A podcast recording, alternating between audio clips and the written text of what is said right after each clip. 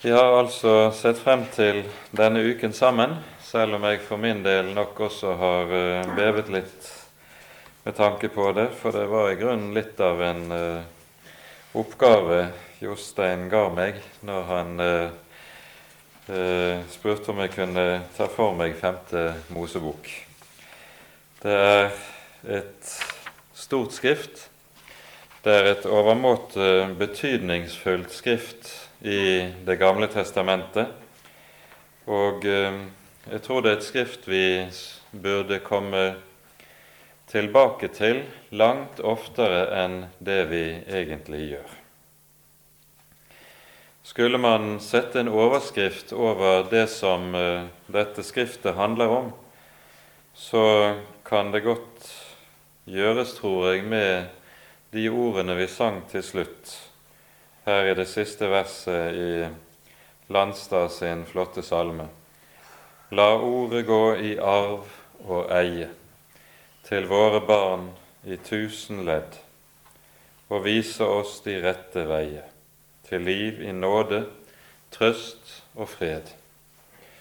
For det er nettopp dette som ligger Moses på hjertet, at ordet som han har fått gi folket fra Herren, at det skal gå i arv og eie gjennom de mange ledd i Herrens folk. Det er det Femte Mosebok dreier seg om. Men før vi nå går videre, så la oss folde hendene og be. Kjære gode Herre, vi kommer til deg igjen vi ber deg at du, Herre, som har gitt oss ordet, at du også må åpne det opp for oss, og at du vil med din ånd legge det inn i våre hjerter, så vi kan forstå det, at ordet kan smelte sammen med hjertene våre, så det også kan bære den frukt du hadde tenkt. Herre, forbarm deg over oss. Det ber vi i ditt eget navn. Amen.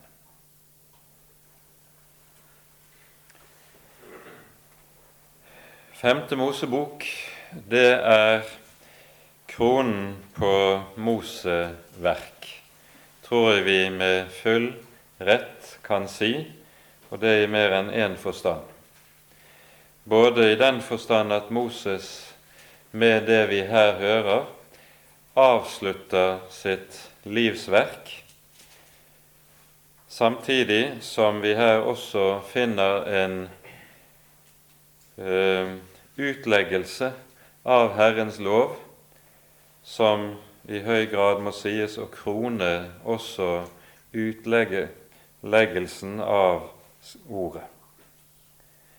Settingen vi tas med inn i, når vi går inn i Femte Mosebok, er at det nå er gått 40 år siden Herrens folk dro ut fra Egypt. 40 år er gått siden folket sto ved Sinai og mottok Herrens hellige lov. 40 års ørkenvandring ligger bak. Folket står nå på ødemarkene, Moabs ødemarker, på østsiden av Jordan, og skal snart krysse Jordan og ta fatt på inntagelsen av det lovede land. Moses har fått Herrens beskjed om at han ikke får lov å komme inn i landet.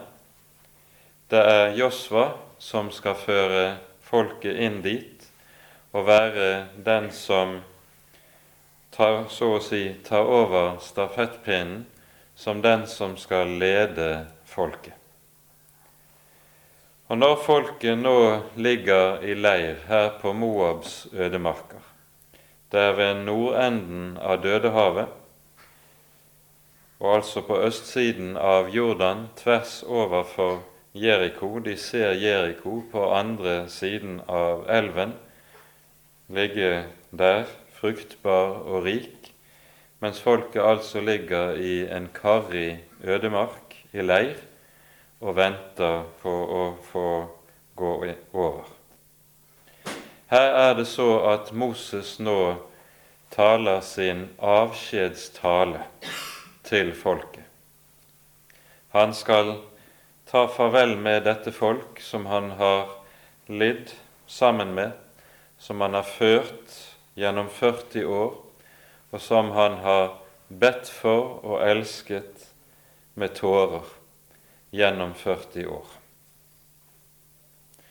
Og det som da ligger Moses på hjertet, det er at han nå vil innprente folket Herrens ord. Femte Mosebok består av fire hoveddeler.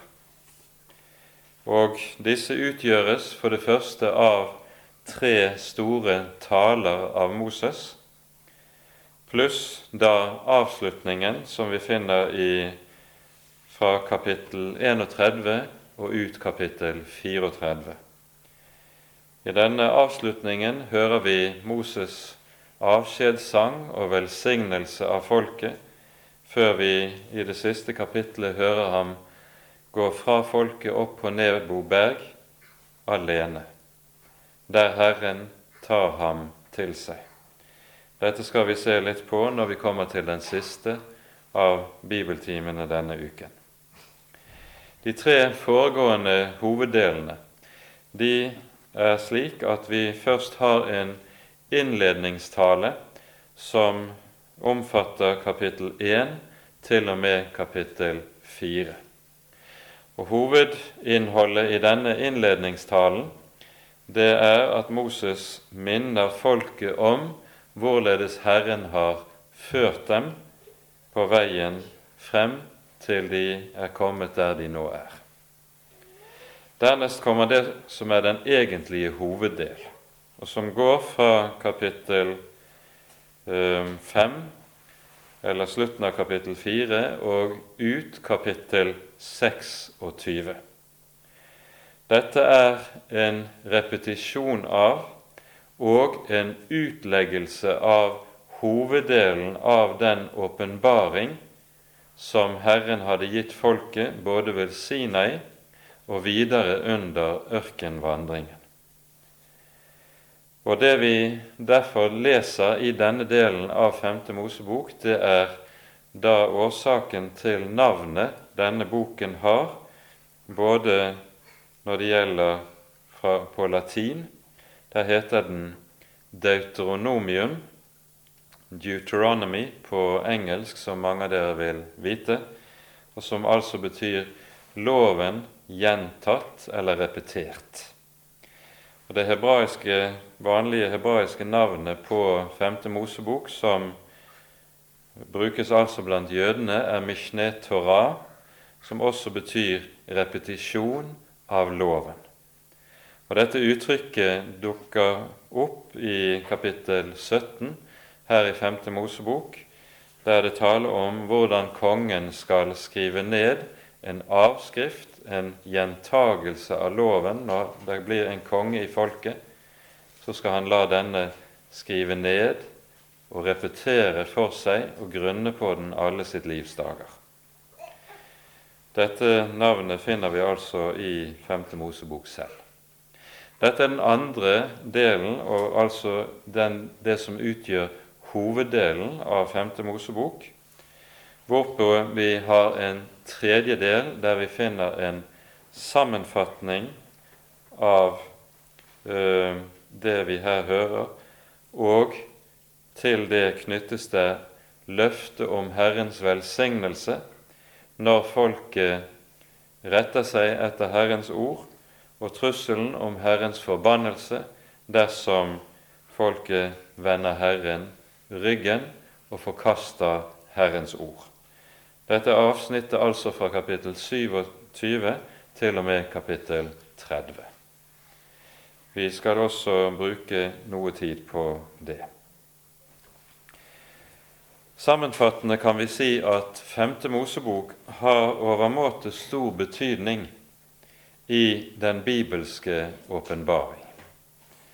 Ganske særlig fordi det er slik at alle skriftprofetene, når de begynner å virke Vi hører, deres budskap fra Joels og Jesajas tid av og fremover. Felles for dem alle er at deres budskap bygger på det vi hører i Femte Mosebok.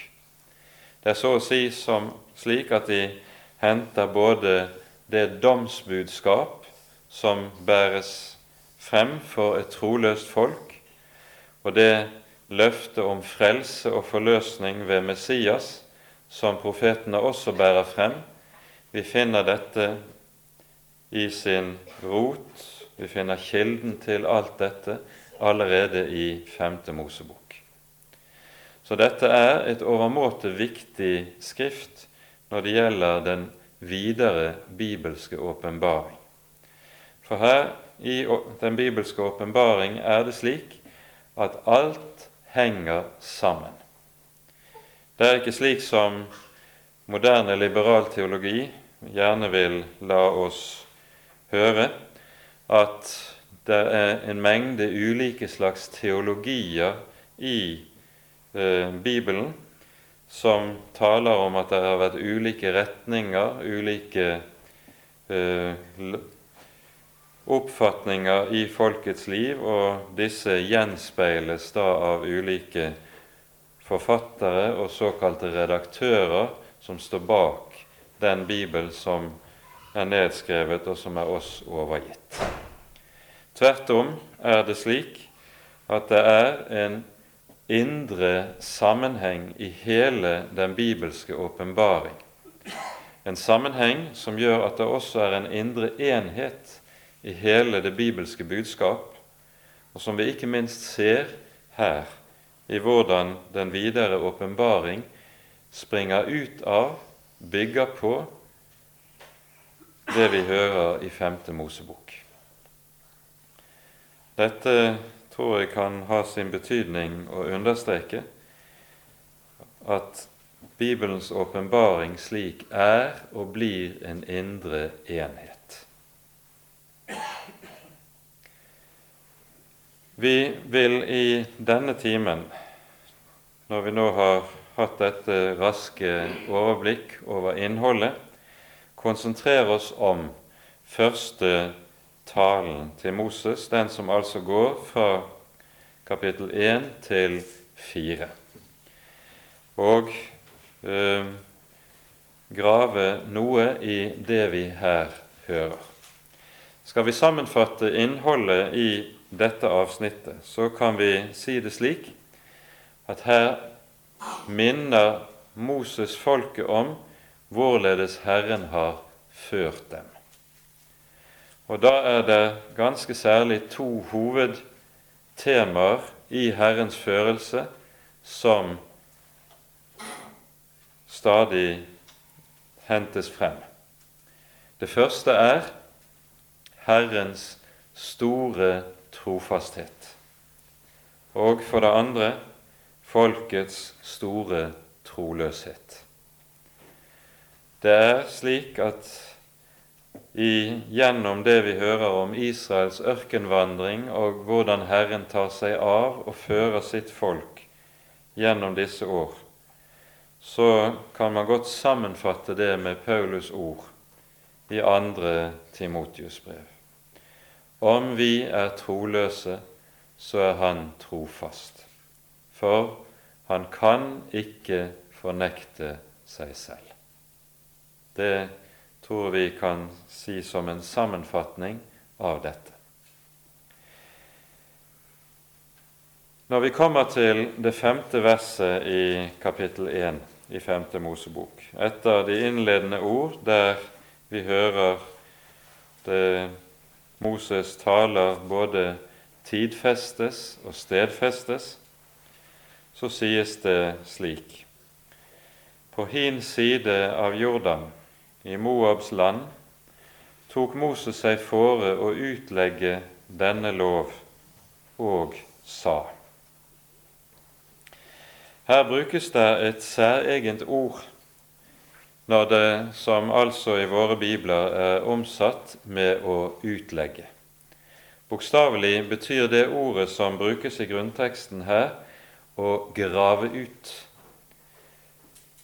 Og Derfor eh, brukes den ordstammen som vi her finner, den anvendes f.eks. om en brønn, det vanlige ordet for brønn i Det gamle testamentet. Det Moses gjør, det er så å si at han hjelper folket med å grave. Grave i Herrens ord, grave i åpenbaringen. Og det at han slik graver i Herrens åpenbaring, det er det vi så får lytte til i det som videre kommer til oss her i 5. Mosebok. I kapittel 1 så er det nå to hovedsaker som Moses minner folket om. Det ene er hvorledes Herren, eh, eller han under Herrens ledelse, lot innsette medledere og dommere over folket som skulle hjelpe ham i hans gjerning. Det skal vi ikke bruke mye tid på i dag. Men det neste som Moses taler om, det er hvordan folket kom til å komme i den ulykke som det var å måtte være eller tilbringe hele 40 år i ødemarken. Etter Herrens råd var det jo slik at Israel egentlig skulle ha vært i ødemarken kun i knappe to år. Når han fører folket ut av Egypt, så leser vi i 2. Mosebok kapittel 13 at Herren fører folket omveien gjennom ødemarken. Han fører dem ikke den ras, raskeste eller den snareste veien til det lovede land, for at, sies det, folket ikke skulle frykte og bli motfallende når de så krig for seg. Gud fører folket en omvei. Og Denne omveien går altså om Sinai, der Herren åpenbarer loven for folket, der Herren inngår pakt med folket, og der tabernaklet reises. Og Jeg tror vi har lov til å si det slik at det som skjer ved Sinai, er at her får folket gitt seg lov og evangelium i sin urform. Loven gis dem sånn som vi kjenner det i de ti bud. Det er lovens grunnform, slik den er gitt oss. Evangeliets grunnform, det er det som gis gjennom innstiftelsen av offertjenesten ved tabernaklet. Her gir Herren en ordning for folket der de kan få sonet synd. All den synd som begås mot Herrens hellige lov, den gis deg også tilgivelse for men denne tilgivelse er tilgjengelig utelukkende gjennom soning. Dette er altså omveien som Herren fører folket på gjennom ødemarken. Og Så får folket befaling om å bryte opp fra Sinai, der folket har ligget i leir i innpå et år. Og de drar så langsomt i dagsreisa nordover, og når det nærmer seg to års vandring, står de ved sydgrensen til det lovede land, Kadesh Barnea. Og her er det altså at den store ulykken skjer. Og det er dette Moses minner folket om nå, når de på ny står ved grensen til det lovede land. Moses kunne jo utmerket godt ha minnet om meget, meget annet som var skjedd under ørkenvandringen. Han kunne talt om synden med gullkalven. Han kunne talt om hvordan folket i vantro knurret mot Herren når de manglet brød eller når de manglet vann. Alt dette som vi ellers hører om i Mosebøkene tidligere. Ingenting av det omtaler Moses. Det, han, det eneste han trekker frem og omtaler, er det vi hører i kapittel 13 og 14 i Fjerde Mosebok, da folket kom til grensen av det lovede land, og på grunn av frykt og vantro ikke ville dra opp og innta det. Og Grunnen til at Moses henter frem denne ene hovedsak, det forstår vi. Det er jo fordi folket nå atter står ved grensen av det lovede land. Og så minner Moses folket om hva som skjedde 38 år tidligere, og med det sier han, ta dere i vare at dere nå ikke faller i den samme synd, i den fall, faller i den samme vantro som deres fedre falt i 38 år tilbake. Dette er årsaken til at det er denne ene begivenhet Moses henter frem. Og vi skal stanse litt opp for det vi leser i Fjerde Mosebok kapittel 13 og 14. For her hører vi noe som også Det nye testamentet tillegger den aller største vekt og betydning. Folket er altså kommet til eh, grensen av det lovede land. De ligger altså i, midt i det som vi i dag kaller Negev, ørkenen. Um, og så kommer folket, folkets eldste til Moses og foreslår for ham før de skal innta landet, kan de ikke da sende inn speidere som kan utspeide landet, og med det vil de ha mye bedre forutsetning for å innta det når den tid kommer. Moses synes godt om dette, og så blir det en representant fra hver av de tolv stammene, som så drar inn for å utspeide landet.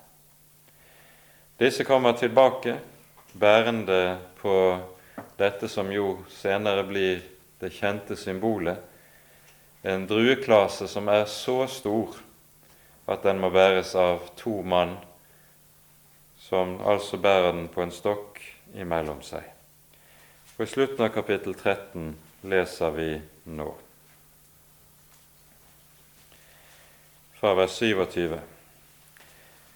De, altså speiderne, fortalte Moses og sa:" Vi kom til det land du sendte oss til, og det flyter virkelig med melk og honning, og her er dets frukt. Og så viser de drueklasen og annet som de har tatt med seg. Men det folk som bor i landet, er sterkt. Byene der er som festninger og meget store.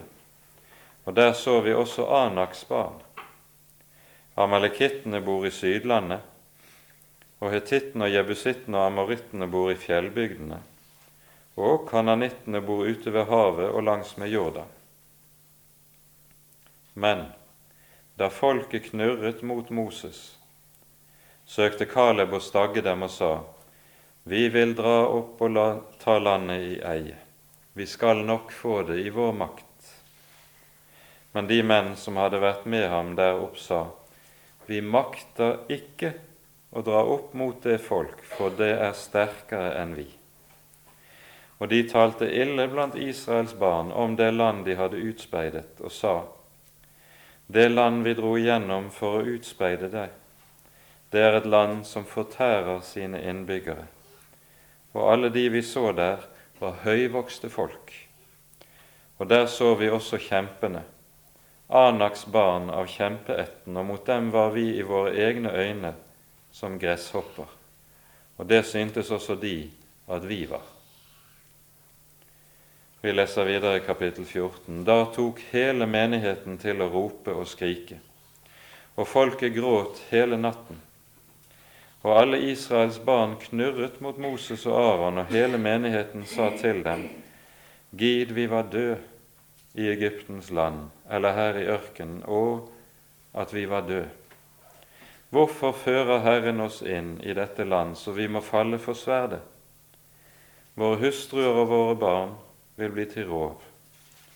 var det ikke bedre for oss å vende tilbake til Egypten når de sa til hverandre, la oss velge oss en høvding og vende tilbake til Egypten? Da falt Moses og Aron ned på sitt ansikt foran hele den forsamlede menighet av Israels barn. Og Josva, Nuns sønn, og Kaleb, Jefunnes sønn, som var blant dem som hadde utspeidet landet, sønderrev sine klær og talte til hele Israels barns menighet og sa:" Det land vi dro igjennom for å utspeide det, det er et overmåte godt land. Dersom Herren har velbehag i oss, så fører Han oss inn i dette land og gir oss det, et land som flyter med melk og honning. Sett dere bare ikke opp mot Herren, og vær ikke redd for folket i det land. For vi skal fortære dem som var det brød. Deres vern er veket fra dem, og Herren er med oss. Vær ikke redde for dem. Da ville hele menigheten steine dem. Men Herrens herlighet åpenbarte seg i sammenkomstens telt for alle Israels barn.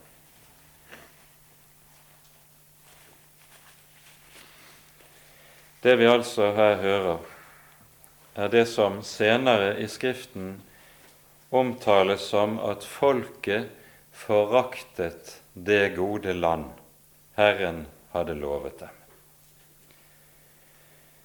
Og på ny er det nyttig for oss å tenke oss inn i det som er Israels situasjon. Hva ligger bak folket?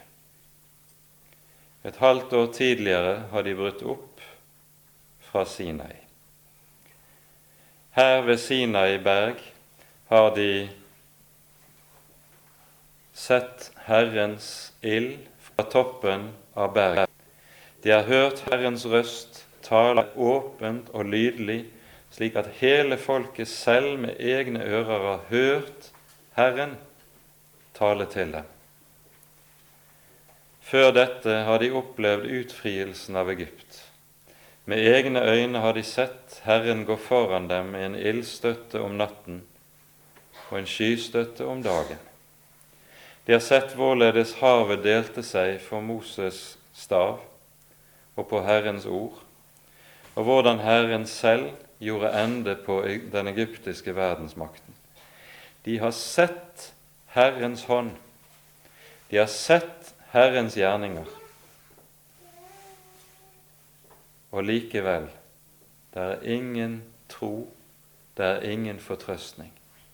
Det som på ny og på ny har kjennetegnet det Gud gjorde for folket, var jo at de sto overfor situasjoner som var helt umulige. Da de var kommet til Det røde hav, sto de der med havet på den ene siden og den veldige egyptiske verdensmaktens hær på den andre siden. Det var ingen utvei. De hadde ingenting å stille opp. Alt var håpløst. Moses sier enkelt og stille til folket ved denne anledning Herren skal stride for dere, dere skal være stille.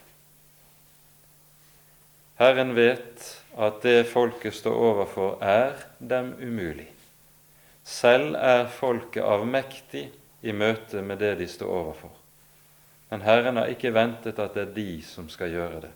Han vil selv føre deres sak. Og Så åpner havet seg, og de går igjennom og berges gjennom det som er aller mest umulig. De har sett Herrens arm. De har erfart at Herren er en Gud som holder ord. Og så har de dag etter dag blitt holdt oppe. De har fått manna fra himmelen og ikke manglet brød, ikke manglet noe. Men på ny, når de står overfor noe som synes for dem å være helt umulig, så er det første som melder seg, vantroen. I våre egne øyne var vi som gresshopper sammenlignet med landets innbyggere. Ja, sånn er det for Guds folk. Stadig er det sånn at Guds folk har det nettopp på det vis. Vi føler oss små i sammenligning med det som vi står overfor her i denne verden. Denne verden er mektig. Den har tallrike og veldige ressurser som Guds folk overhodet ikke har. Og Når vi da stilles overfor dette som Israel, så kan vi både føle oss små, mindreverdige, hjelpeløse, for vi har ingenting å stille opp med.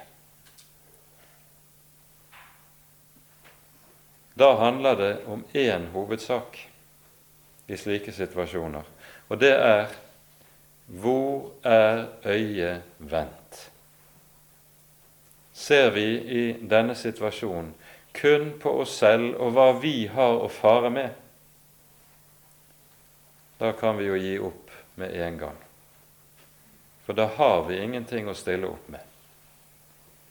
Spørsmålet er kan øyet få lov til å hvile på ham og på Hans ord, som har lovet 'Jeg vil stride for deg'.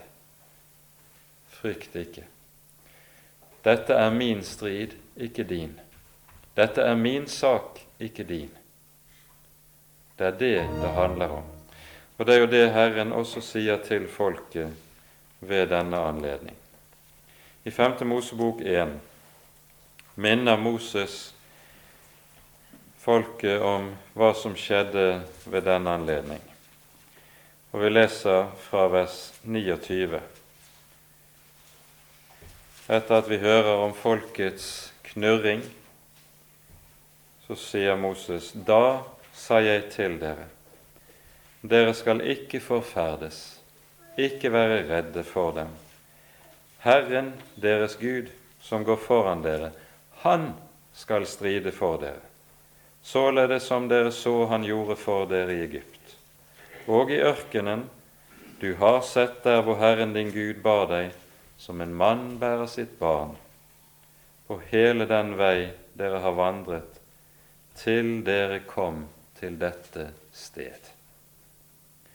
På ny minner, minnes folket om Herrens løfte hva de har sett og hva de har erfart mens de har vandret i Herrens spor. Han har gått foran dem, de har fulgt etter. Og Det som da er Israels tragedie, er det som sies i vers 32. Allikevel trodde dere ikke på Herren deres Gud. Og så sier Skriften det var for vantros skyld de ikke fikk komme inn. Det som gjorde at folket ikke kom inn i det lovede land, det var ikke det vi kaller for ulydighet, ikke det vi kaller for synd mot ulike konkrete av lovens bud. Det var ikke det som hindret folket å komme inn i landet. Nei, det som gjorde at det ikke kom inn, var vantroen. Vantroen mot Herrens ord og løfte. Det er det som stenger veien både til det lovede land for Israel og veien til himmelen for oss. Denne vantro, det er ikke, tror jeg, unaturlig å tenke at den henger sammen med det vi leser i vers 27 her i 5. Mosebok 1. Dere ville ikke dra dit opp, dere var gjenstridige mot Herren deres Guds ord, sies det, og så lyder det. Dere knurret i deres telt og sa, Herren hater oss. Derfor har Han ført oss ut av Egyptens land og vil gi oss i amorittenes hånd og ødelegge oss. Herren hater oss. Hva er det som ligger bak når folket kan si noe sånt? Det er noe av det som er så å si selve det grunnleggende i nettopp vantroen som ligger bakom denne tanke.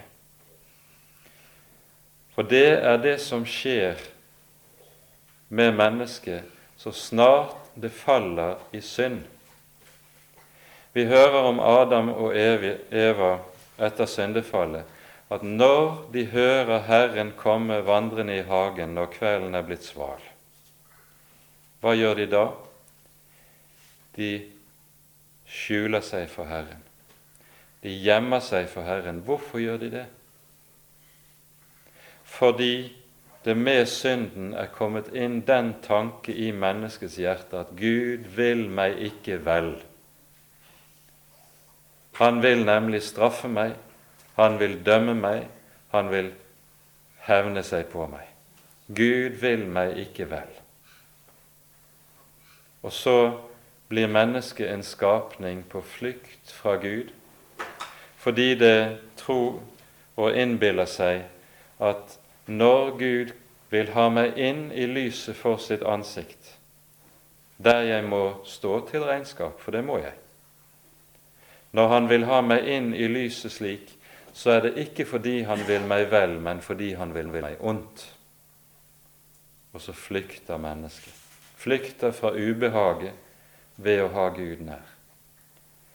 Og denne tanke om at Gud vil meg ikke vel, det er noe av det som er den grunnleggende kjerne i vantroen, og som nettopp innjages i et menneske gjennom lovsinnet. Det er fordi Herren hater oss han har ført oss hit.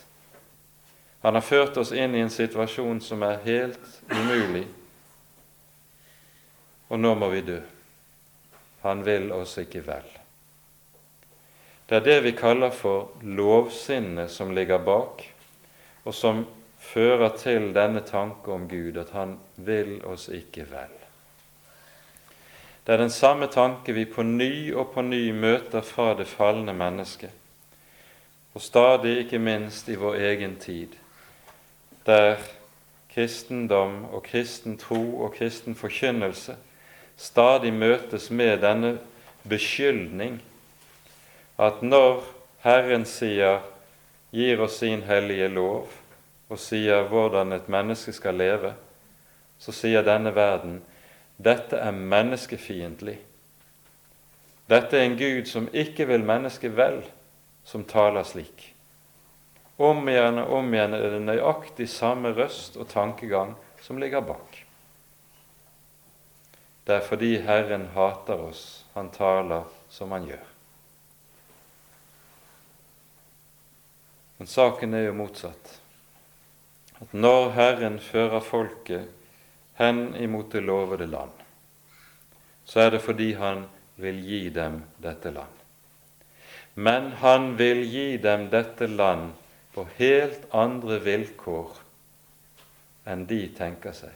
De ønsker at det helst skulle være på det vis at de selv skulle bli sterke nok rustede nok, føle seg mektige nok til at de kunne håndtere situasjonen på egen hånd. Da hadde de ikke mistet motet. Men det blir de altså ikke. Herren sørger for at det folk som kommer til grensen av landet, de føler seg som små gresshopper sammenlignet med makten, styrken de står overfor og utfordres av. Når Herren lar dem stå i en slik situasjon, så er det for at de på ny skal kastes på det å være avhengig av ham, for at de skal tvinges inn i dette at det er Han som skal utføre verket, ikke de. Slik at det må sannes, det som senere lyder i påskesalmen i Salmenes bok, salme 115. Ikke oss, ikke oss, men ditt navn gir du ære, for din miskunnhets og for din trofasthets skyld. Ikke oss, ikke oss. For verket skal og må være hans hvis det skal være sant, hvis det skal være godt. Det kan ikke være vårt. For med en gang vår hånd får kommer med i spillet, kommer med i bildet, hva gjør vi da? Da tar vi æren selv. Akkurat dette understreker Moses litt lenger ute her i 5. Mosebok, når vi kommer til kapittel 8. De, når folk er kommet inn i landet, og alt er lykkes for dem og det er gått vel, så sies det slik i vers 17.: Si da ikke ved deg selv. Det er min kraft og min sterke hånd som har vunnet meg denne rikdom. Folket advares imot det. Når folket så senere føres inn i landet, og de på ny og på ny får oppleve at Herren går foran dem. Herren strider for dem og overvinner alle deres fiender for dem. Så er det en erfaring som de har tungt for å skrive seg på hjertet. På ny og på ny tar folket selv æren for det Gud har gjort. Dette er også, tror jeg vi har lov til å si, noe av det som er hovedårsaken til en måte Gud har å stelle med oss når det gjelder vårt eget personlige liv i helliggjørelsen. Han som er Herre, sørger godt for at du ikke ser stort av frukt eller helliggjørelse i ditt eget liv. For du ser litt for mye av det, og det skal ikke så veldig mye til, vil du med en gang ta æren selv og bli en selvgod og egenrådig fariseer. Derfor er dette noe av det som er en nød som Herren stadig holder sitt folk i. Vi ser så lite av frukt hos oss selv. Vi ser så lite av hellighet og helliggjørelse hos oss selv. Du har levet i 40 år og stiller deg spørsmålet blir jeg aldri annerledes. Herren sørger for at du alltid skal måtte stille det spørsmålet for at du ikke skal rose deg av deg selv. Synden i oss, det gamle mennesket i oss, er nemlig slik at med en gang det er noe vi får til, så stjeler vi æren selv. Dette er Guds råd, og dette er Guds måte å stelle med oss fordi vi så lenge vi er her i verden, også har gamle Adam boende i våre egne hjerter. Andre ser kanskje frukt i livet ditt, men du ser det ikke selv. Og sånn vil Gud det skal være. For på den måten blir du holdt i den stilling at du aldri skal bli noe annet enn en synder som trenger Jesus.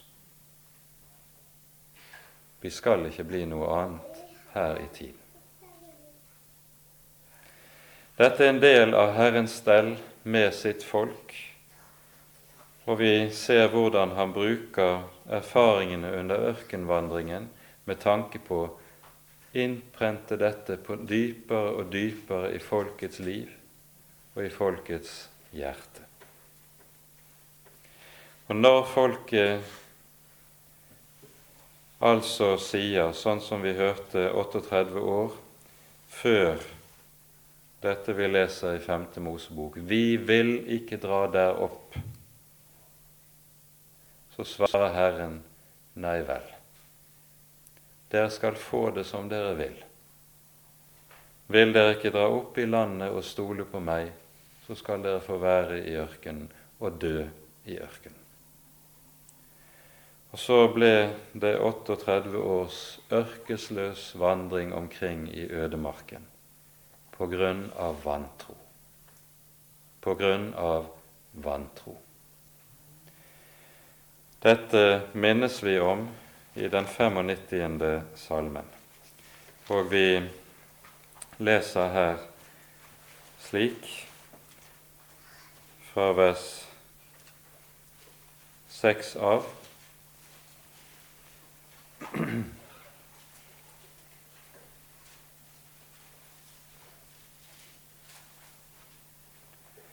Kom, la oss kaste oss ned og bøye kne.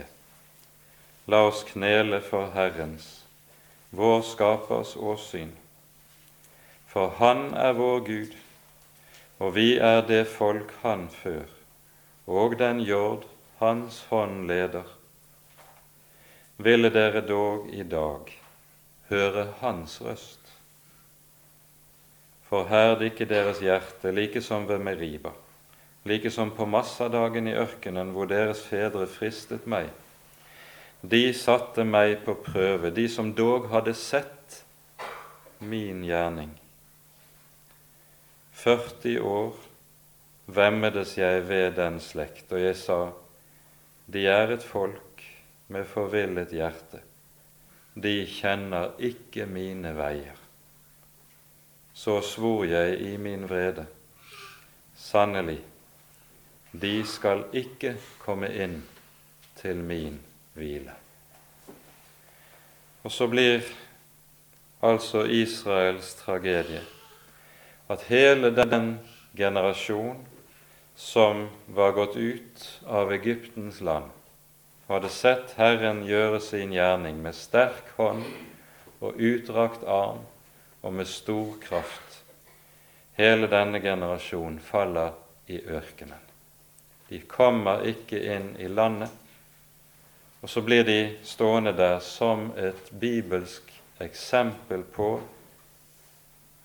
vantroen hvor farlig vantroen er.